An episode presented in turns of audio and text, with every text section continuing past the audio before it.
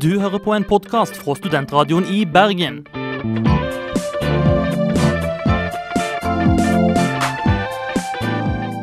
Denne og mange andre flotte podkaster finner du på podkast.srib.no.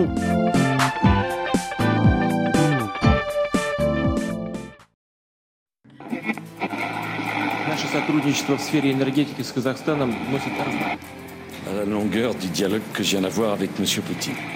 CDU hat seit Jahr und Tag 新規国際発行額を減少させ財政の健全化に向けた símbolo del fascismo en Sudamérica. मगर मुझे पाकिस्तान जाना है जमहूरियत की जदोजहद Kina er på vei mot økonomisk verdensherredømme. Likevel møter de stadig vekk kritikk fra Vesten for deres manglende oppfølging av menneskerettigheter og for den mangelfulle miljøpolitikken. Dette er temaer vi skal ta for oss i dagens Kinasending her i Utenriksmagasinet MIR på Studentradioen i Bergen. I studio i dag så sitter jeg, Karoline Noranger. Og jeg, Peder Tollesju, og i dag tar vi som sagt turen østover. Kina hevder å ha gjort store fremskritt når det kommer til menneskerettighetene de siste årene. Men dette er det ikke alle som er like enig i. Vi har snakket med Torbjørn Færøvik. Før så var jo Kina å sammenligne med en hermetikkboks. Men nå er hermetikkboksen åpnet, og inn kommer eh, frisk luft. Kina har også en nøkkelrolle for å løse klimapolitikken. I Vesten har vi nå over lengre tid ødelagt kloden gjennom vårt forbruk av naturressurser. Kan vi nå nekte Kina det samme energiforbruket bare fordi vi har tatt jorden nærmere dens bristepunkt? Kina er verdens andre største økonomi og den raskest voksende. Dette gir dem stor innvirkningskraft på omverdenen. Denne kapitalen ser ut som de nå har funnet ut på hva de skal bruke på. Verden har billig sal, og Kina har gått på handletur. I tillegg skal vi høre neste kapittel i våre medarbeideres jakt på Den osmanske rikets arv. Denne gangen er det Kurdistan som er deres tumleplass. Men først så sparker vi i gang sendingen med ukas låt her på Studentradioen i Bergen. Den er det islandske Soleil som skal tilby oss med låta 'Dance'. Der hørte vi ukas låt her på Studentradioen i Bergen, 'Soleil med Dance'.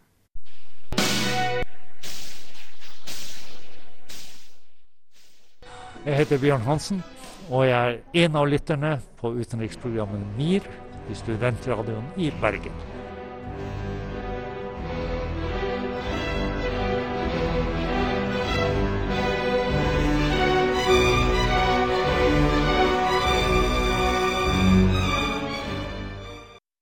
Du lytter til utenriksmagasinet MIR, og i dag snakker vi om verdens mest folkerike land, Kina. Et populært tema i mediene er jo Kinas forhold til menneskerettigheter. En kontroversiell problemstilling i Kinas samhandling med Vesten. Ja, og her i MIR lar vi ikke sjansen til å ta opp kontroversielle temaer gå fra oss. Nei, det gjør vi ikke. Vår medarbeider Stina hun har eh, snakket med Torbjørn Færøyvik om Kina og menneskerettighetsbrudd.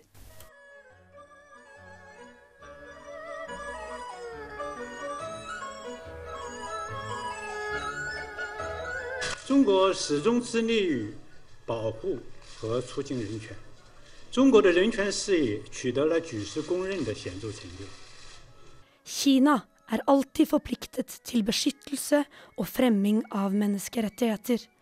Og når det kommer til menneskerettigheter, har Kina gjort enorme fremskritt, anerkjent over hele verden. Dette sa Kinas president Hu Jintao på en pressekonferanse sammen med Barack Obama i januar i år. I artikkel 35 i Kinas grunnlov står det borgerne i Folkerepublikken Kina skal nyte godt av talefrihet, pressefrihet, forsamlings- og møtefrihet og prosesjons- og demonstrasjonsfrihet. Men selv om presidenten mener verden anerkjenner Kinas fremskritt, er ikke alle enig i dette. Torbjørn Færøvik, forfatter og historiker med Kina som spesialfelt, er blant de som er skeptiske til at Kina følger sin egen grunnlov. Det er i hvert fall ikke full talefrihet, og heller ikke full forsamlingsfrihet og trykkefrihet. Det er store problemer på alle områdene i dette landet, og det kommer av at kommunistpartiet har monopol eh, på all makt, og derfor setter grenser for hva som er tillatt å si eller å skrive. Det er ikke tillatt å skrive noe som går på tvers av sosialismen, som de sier, eller interessene til eh, kommunistpartiet. Men hvorfor er lederne av kommunistpartiet så redde for pressefrihet? Færøvik forteller videre at den økte friheten siden Maos død har vært hovedsakelig på det økonomiske planet. Når det kommer til politisk frihet, er ikke like mye skjedd. Og skulle det skje, så vil kommunistpartiets monopol på politiske meninger kunne stå i faresonen. Men det er ikke bare ytringsfriheten som bryter med de internasjonale menneskerettighetene i Kina. Etniske og religiøse minoriteter over hele landet, og spesielt i Tibet, er undertrykt og lever et farlig liv. Færøyvik karakteriserer situasjonen som alvorlig. Helsesystemet er elendig. Folk må kjøpe seg inn i helsekøene. Og, og de som ikke har råd til det, de, de, må bare legge seg til for å dø hjemme. Så mange mennesker de går jo til ytterligheter for å markere sin misnøye. Vi kan stadig lese om i avisene at uh, tibetanske munker setter fyr på seg selv. Uh, så de oppfatter situasjonen som alvorlig så vet vi da at mennesker i Kina de kastes i fengsel uten lov og dom. Og fremdeles så finnes det enkelte arbeidsleirer rundt omkring i landet hvor det sitter både vanlige kriminelle fanger og også politiske fanger.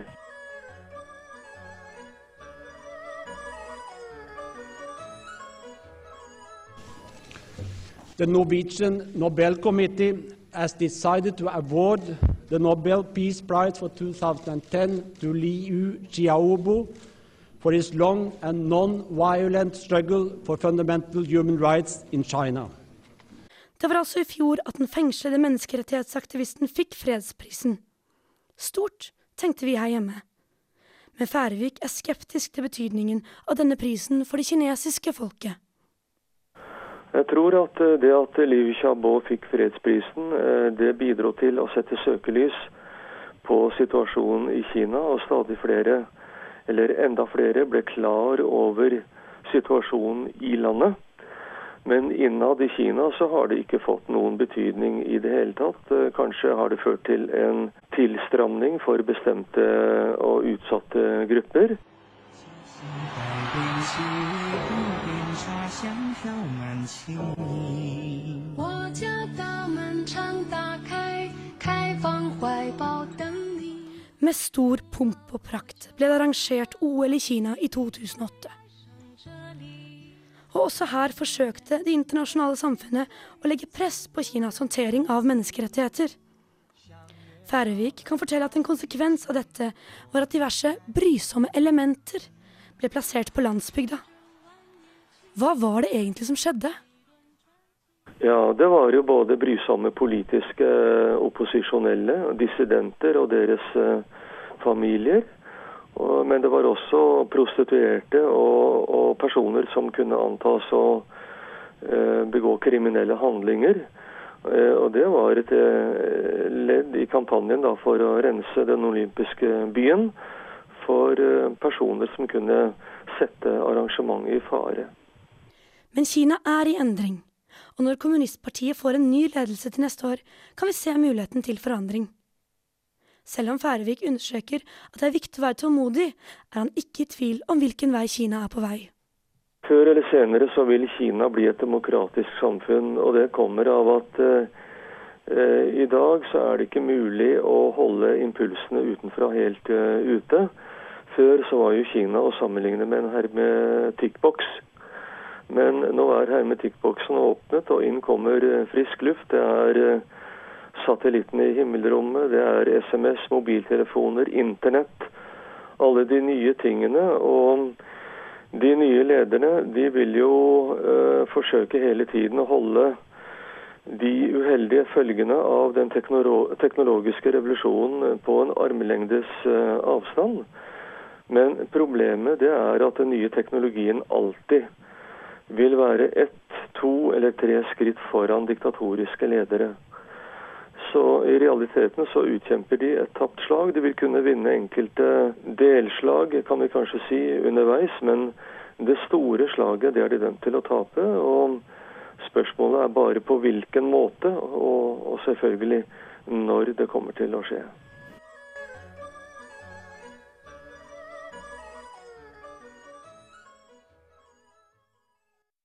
Færøyvik, som vår medarbeider Stina snakket med i innslaget her, han har jo møtt eh, en del kritikk for sin bruk av menneskerettighetsbegrepet. Og hva er det den kritikken går ut på, Peder?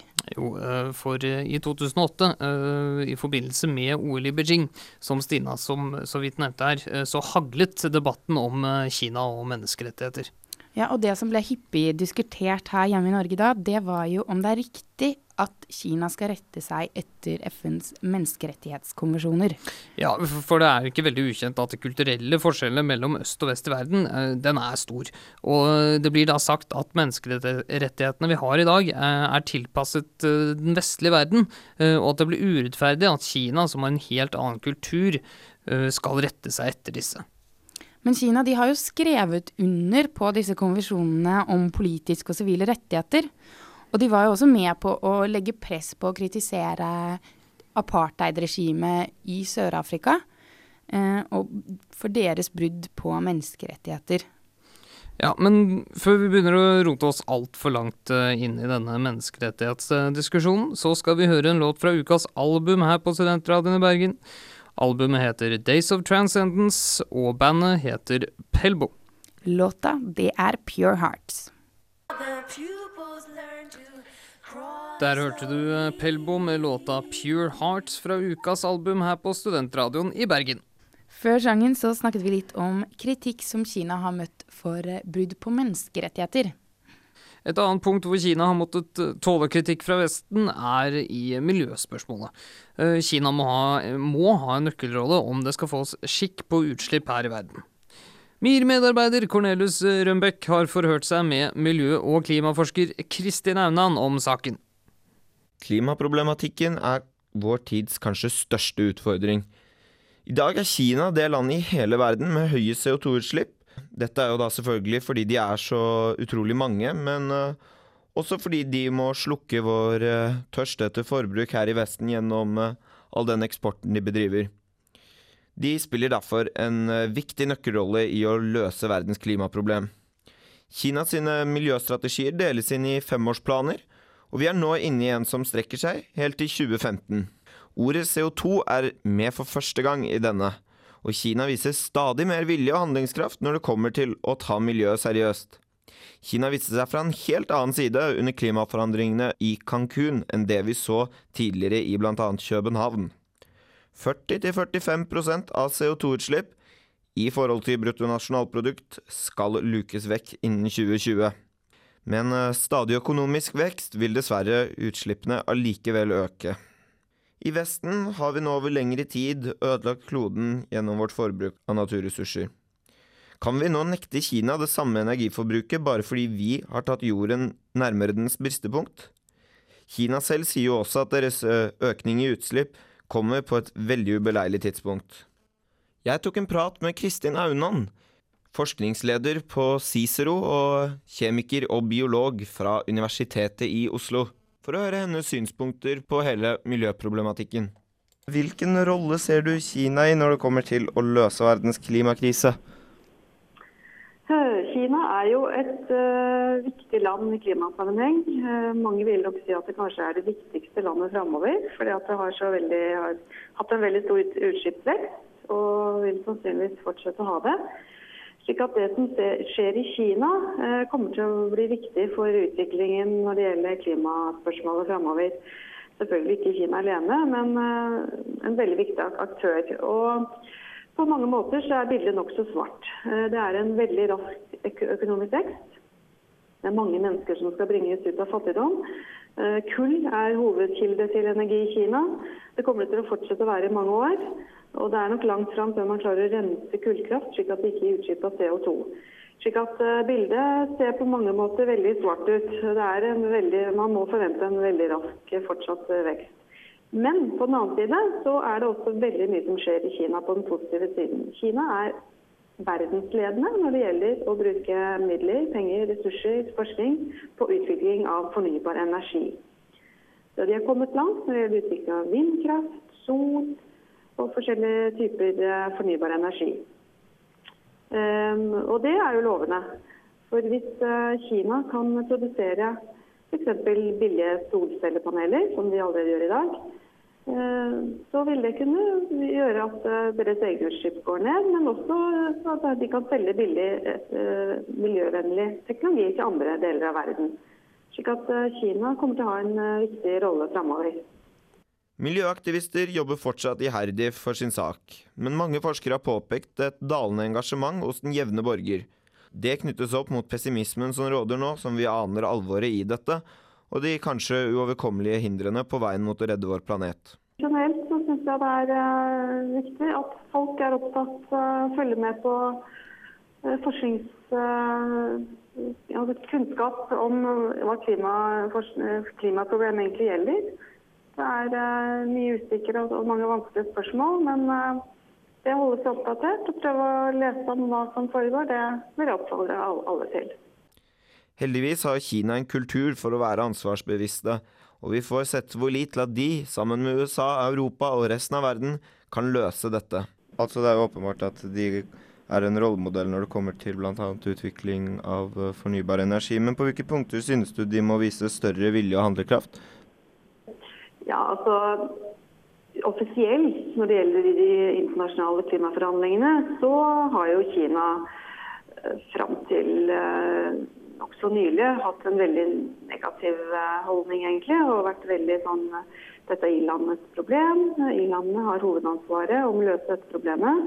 De har ikke hatt noen veldig positiv effekt sånn sett. Men, men det, også her er det veldig mye som skjer raskt slik at Hvis man ser på det, bare det siste klimamøtet i fjor i Mexico, så spilte Kina en helt annen rolle og var eh, mye mer positive. Så, eh, så, det handler om å se på hva som eh, på skjer sånn sett i internasjonale forhandlinger, men ikke minst mener jeg er viktig å se på hva som faktisk skjer på bakken i Kina. Og der, der er det mye positivt som også skjer. Befolkningsveksten hos utviklingslandene er i denne sammenhengen noe som bekymrer svært mange. Men det er i i-landene at vi står for mesteparten av utslipp. Det er også lettere for noen få land å komme til enighet enn om hele verden skal gjøre det. Og vi skal ikke se bort ifra at Kina i fremtiden vil være den stormakten som tar det endelige grep om hele miljøsituasjonen på vår klode. Har du noe håp om at verden skal komme til en enighet om uh, hvordan å løse klimaproblematikken i nærmeste fremtid?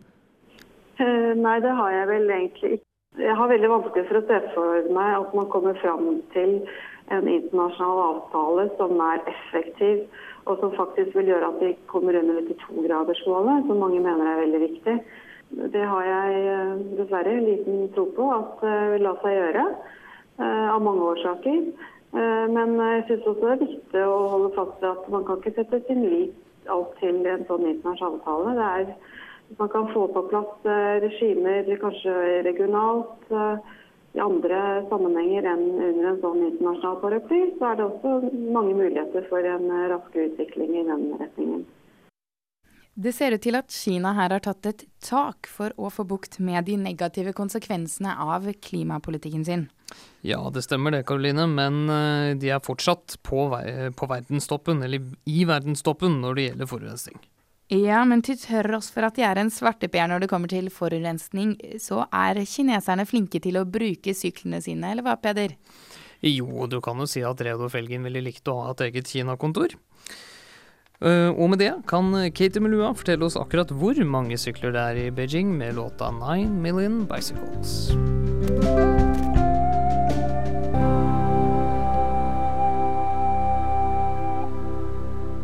Det var Katie Melua som sang så vakkert om Beijings ni millioner sykler. Dette er Morten Ruud, korrespondent for NRK i Moskva. Og du hører på utenriksmagasinet MIR i Studentradioen i Bergen.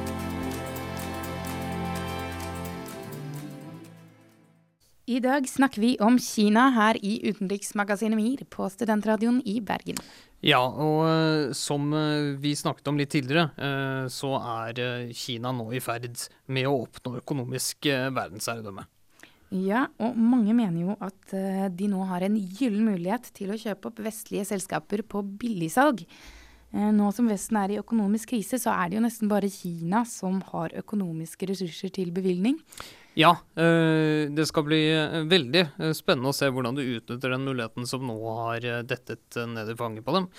Men investeringer i utlandet er intet fremmed eventyr for kineserne. De er allerede dypt investert både i India og i deler av Afrika.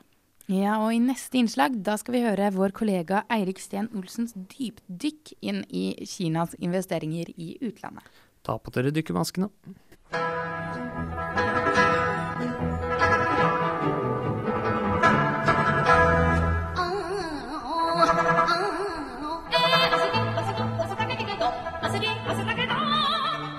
Den kinesiske dragen har våkna.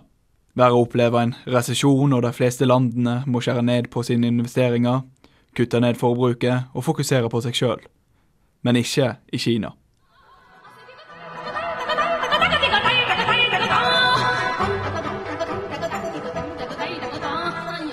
Årevis med økonomiske reformer og et land som har nytt godt av at andre har investert tungt i deres såkalte friøkonomiske soner, så har Kina bygga seg opp kapital.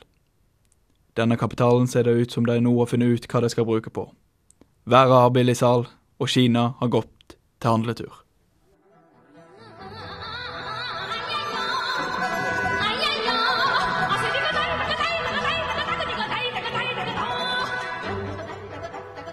Medan dette innslaget har blitt laget, så er Kina den nest største økonomien i verden.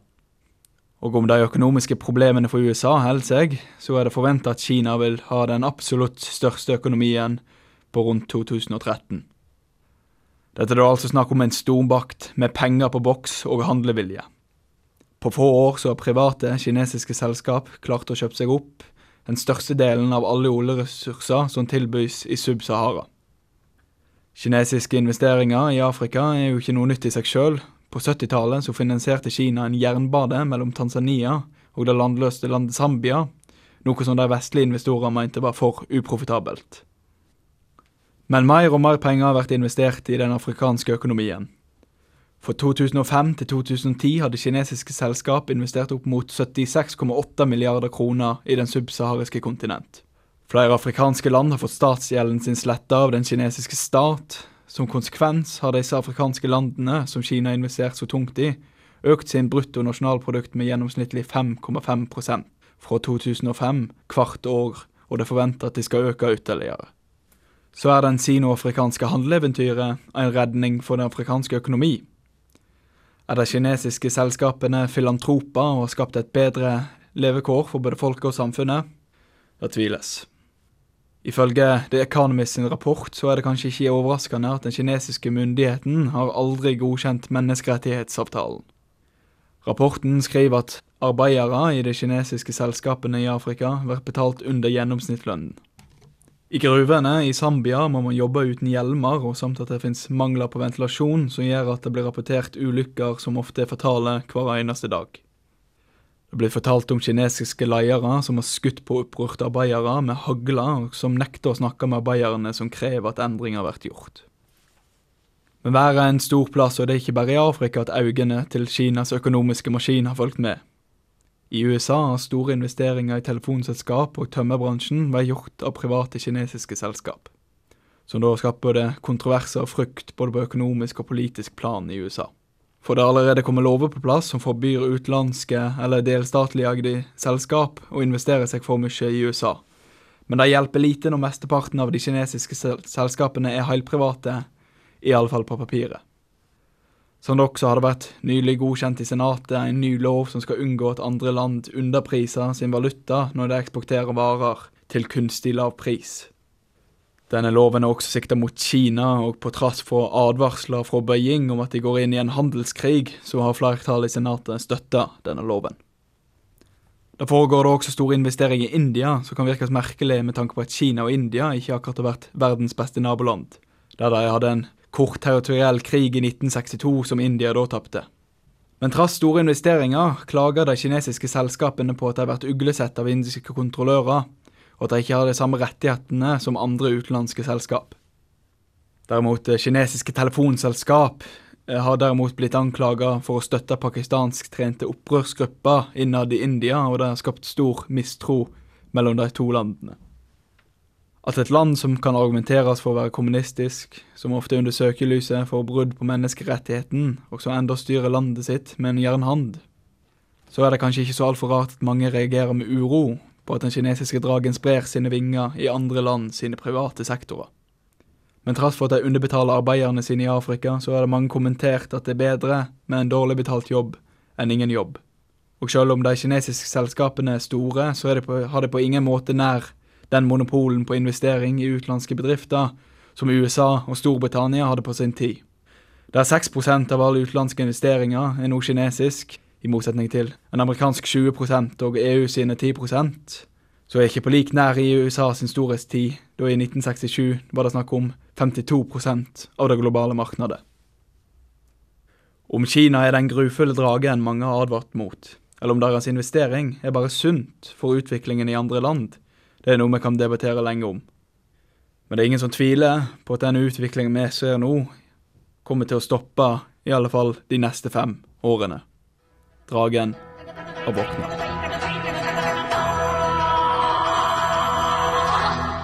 Kina har jo, som vi hørte, et komplisert forhold til bl.a. India.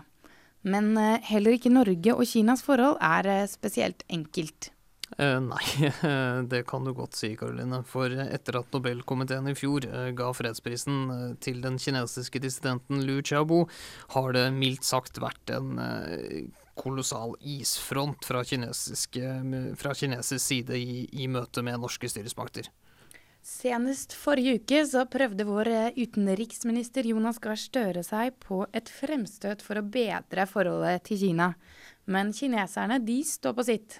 Ja, eh, de mener jo at Norge har blandet seg inn i, i, et internt anliggende. Eh, og det å da gi prisen til en person som er dømt for kriminelle handlinger i Kina, eh, det hevder de undergraver kinesiske domstolers uavhengighet. Det ser altså ikke ut som om forholdet kommer til å tine spesielt opp med det første. Nei, men noen som derimot begynner å bli ganske varme i trøya, er våre medarbeidere som er på tur østover. Denne uken er det Fredrik Sagafoss som forteller oss neste kapittel i vår programproduksjon 'Jakten på det osmanske rikets arv', hvor han, Oskar Rabun og Aslak Rødder reiser rundt i Østen for å lete etter spor av det gamle riket. Ja, og nå er turen kommet til Kurdistan.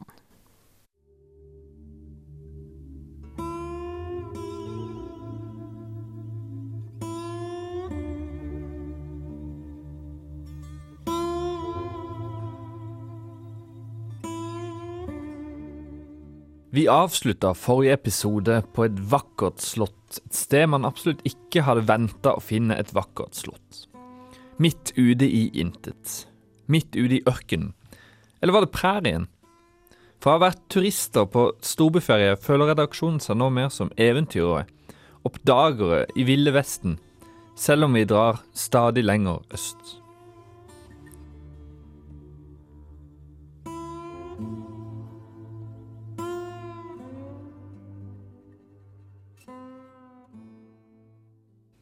Men vi er fremdeles i Tyrkia, fremdeles på jakt etter arven etter det osmanske riket, og det er ikke Rocky Mountains vi ser i bakgrunnen, men det mektige, hellige fjellet Ararat. Ting rundt oss indikerer imidlertid med største tydelighet at vi har kryssa en av de voldsomste og mest blodige konfliktlinjene de siste 25 årene. En konflikt som hittil har krevd over 40 000 menneskeliv.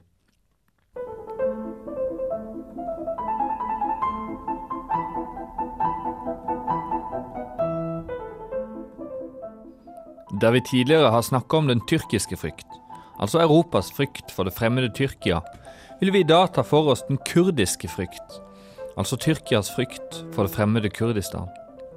Ukas episode av Mirs jakt etter den osmanske arv heter På fiendens grunn.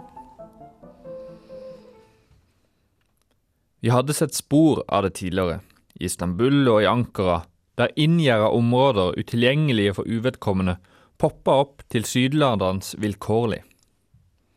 Her aller lengst øst i Tyrkia var imidlertid militære tilstedeværelsen overveldende. Der våpnene tidligere hadde vært skjult bak høye gjerder og trær, kunne Mir her se tanks og tungt artilleri bokstavelig talt på rekke og rad. Da vi vandra ned fra Ishak Pasha igjen, ned til den like øde og ingenstedsnære byen Dorbayazit, passerte vi en militærleir hvor den tyrkiske militærmakt var utstilt i all sin fryktinngytende prakt. Her får dere ingen livereportasje. Vi turte rett og slett ikke ta fram opptakeren vår. I det hele tatt var opptakeren lite fremme i løpet av vårt besøk øst i Tyrkia.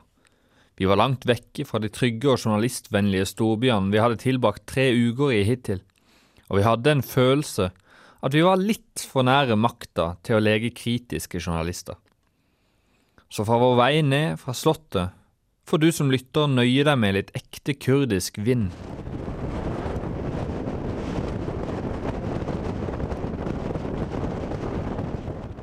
Og litt ekte kurdisk regn.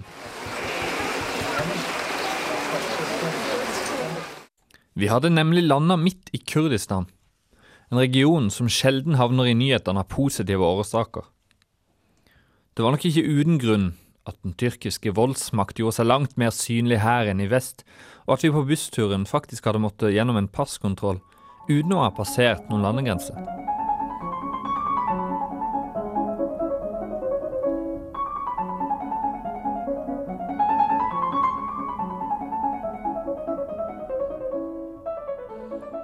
Kurdistan befinner seg innenfor grensene til Tyrkia, Iran, Irak og Syria, og historisk har da også kurderne stort sett falt mellom alle nasjonalstoler. Da det osmanske imperium la seg ut med det mektige persiske riket på 1500-tallet, havna kurderne i det man på fagspråket kaller en real skvis, og de ble pent nett til å se seg underlagt osmanerne. Som en del av denne avtalen fikk de imidlertid stor grad av autonomi, de fikk lov til å dyrke sin kultur, sitt språk og sitt levesett, uten at staten blanda seg for mye opp i deres anliggende. Denne autonomien er nå historie. Etter etableringen av den tyrkiske republikk har de kurdiske kår blitt gradvis forverra gjennom en hissig assimileringspolitikk, med det formål å gjøre spor av kurdisk særegenhet så små som mulig, og forholdet mellom det kurdiske folk og den tyrkiske stat har blitt stadig surere. Og før vi ankom Dorbasit, hadde Oskar fått nyss i noe som ikke gjorde vår nervøsitet mindre. Ja, det er PKK som har vært på krigsstien nå i det siste. At, uh, vi fikk vel vite nå nylig at uh, på tirsdag i forrige uke så var det et angrep i akkurat denne byen her der én politimann ble vel drept, samtidig som en politistasjon i en nærliggende by òg ble angrepet, med både raketter, maskingevær og bomber og granater. Så, men vi regner med at, eh, at eh, turister ikke, er noen form, ikke blir regna som noen form for mål for disse angrepene her. Nei, vi håper det. Det var imidlertid i disse skumle omgivelsene at vi skulle få den første smaken av den gjestfriheten som skulle kjennetegne de siste tre ukene av turen vår. En av kurderne vi traff, heter nemlig Mehmed, og som vi fortalte forrige episode, er han noe helt spesielt. Fra vi umiddelbart da vi ankom, traff ham på bussholdeplassen, og til vi ble trygt losa inn i taxien til den iranske grense, var Mehmed vår kjentmann og velgjører, som på utallige måter bidro både sosialt og journalistisk. Det var nemlig ikke måte på hvem Mehmed kunne skaffe intervju med.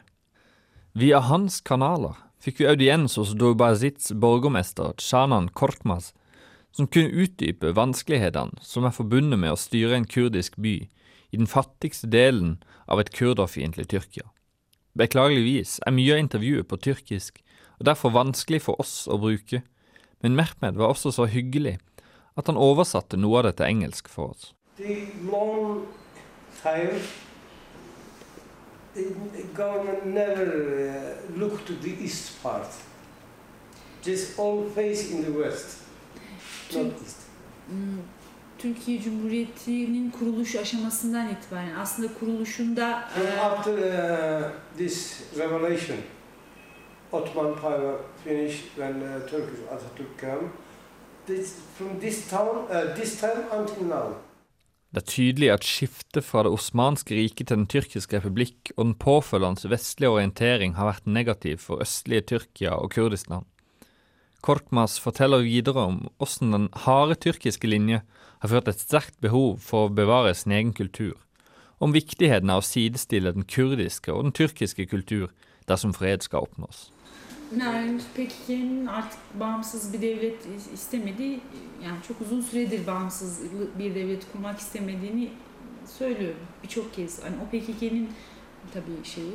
E ama Kürt halkının özellikle bizim partimizin hani e, bu ülkede e, diyelim tüm vatandaşlar, tüm yaşayan bir Türk ne hakka sahipse Kürtler olarak da aynı hakka sahip olmak istiyoruz. Yani talebimiz bu. Bundan ekstra bir talebimiz yok. Anayasal bir e, ortak vatandaşlık, eşit, adil e, bir vatandaşlık istiyoruz. Bir Türkiye ne kadar e, hak ve hukuk tanınıyorsa bir Kürt'te o, öyle olmalı. Uh, we said what Turk has, we want the same. We don't want more and less. Democracy for everyone. But also we want to talk to our own mother language. We said Turk, what is uh, Turkish has, we want to say. Also we don't want to separate in Turkey. We want to together. This is uh, uh, PKK also they don't want to separate for moment because we need time. You know, The Kurdish people has uh, like more than thousand years problem.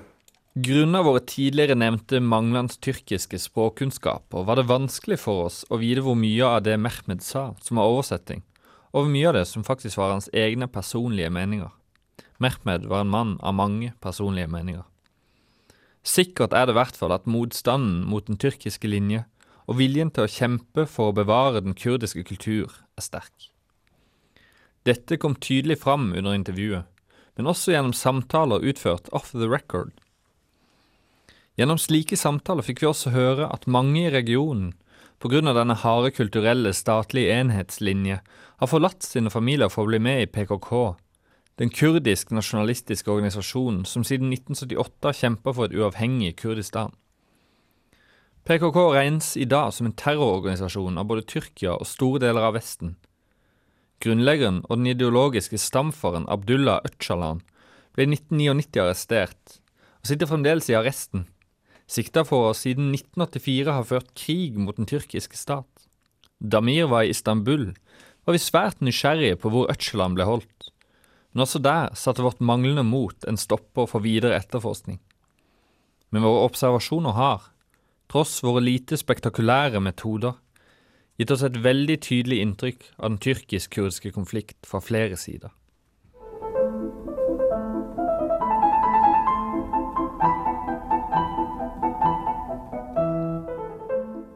Vi får bare en dag i Dorbaysit, og etter et tårevått farvel med Mehmed går turen videre fra truende kurdiske Tyrkia til kanskje enda mer ukjente og truende trakter. Men når vi nå drar videre østover, er det i trygg forvissning om at Ararat alltid passer på oss. Der hørte vi Oskar Kjetland Rabben, Fredrik Sagafoss og As- Aslak Rødder, som denne uken har besøkt Kurdistan. Følg med neste uke for å få med deg hva slags sprell gutta finner på da. Helt på tampen så skal vi høre en god gammel slager fra diskokongen Carl Douglas. Her har dere Kung Fu Fighting.